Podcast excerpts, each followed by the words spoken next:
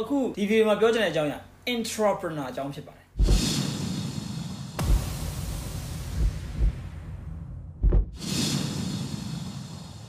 အဲ post မှာရေးထားတဲ့ဟာကစလုံးပေါင်းမှားတာမဟုတ်ပါဘူး entrepreneur ဆိုတာရှိပါကျွန်တော်တို့လူတွေကဟာလာဟိုလုပ်ငန်းရှင်ဖြစ်မှာပဲအောင်မြင်မယ်တို့ဟာလာကိုယ်ပိုင်လုပ်ငန်းရှိမှာပဲအောင်မြင်တဲ့လူတစ်ယောက်ဖြစ်မှာလားပေါ့နော်ဒီလိုမေးခွန်းလေးတွေကိုအများအားကျွန်တော်စဉ်းစားဖြစ်ပါတယ်နောက်တစ်ခုကကျတော့ပြင်မှာကြည့်မယ်ဆိုရင်လည်းကိုယ်ပိုင်လုပ်ငန်းလုပ်ဖို့အတွက်ကိုတော်တော်များများကတွန်းပြီးတော့ပြောနေတာမျိုးကိုကျွန်တော်တွေ့ရလိရှိပါတယ်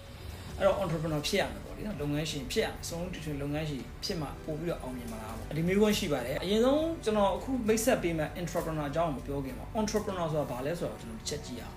ဆိုတော့ကျွန်တော် entrepreneur ကိုရိုးရိုးလေးပဲ definition ဖွင့်မယ်ဆိုရင် entrepreneur ရဲ့သဘောက तू က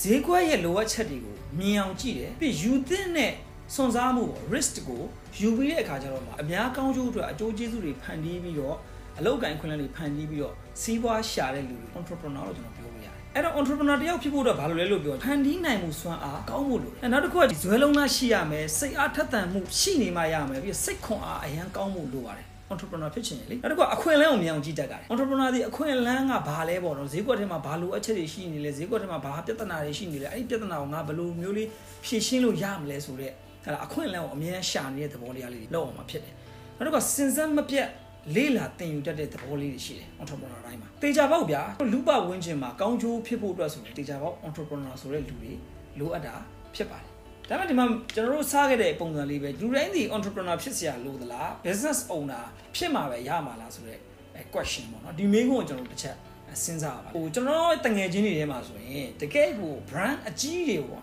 တကယ်ကို international brand တွေမှာ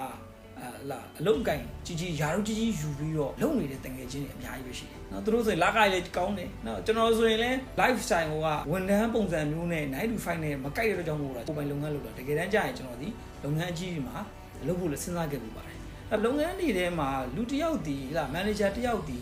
project တစ်ခုကိုယ်လုပ်ငန်းရဲ့ plan တစ်ခုကိုအင်တိုင်းအားတိုင်းနဲ့ ဟလားအာသူခွန်ဆိုင်လုပ်တယ်စဉ်ဆက်မပြတ်လေးလာမှုတွေလုပ်ပြီးတော့ကိုလုံငန်းအောင်မြင်ရေးအတွက်ကိုသူဒီယူသင့်တဲ့ risk ယူပြီးတော့ဟလားအချိန်နဲ့အမျှအပတ်တစ်ခုစူးစမ်းနေတဲ့လူတွေကိုကျွန်တော်တို့ဒီဘာနာမည်တက်ကမယ်လို့ entrepreneur လို့တက်ကပါ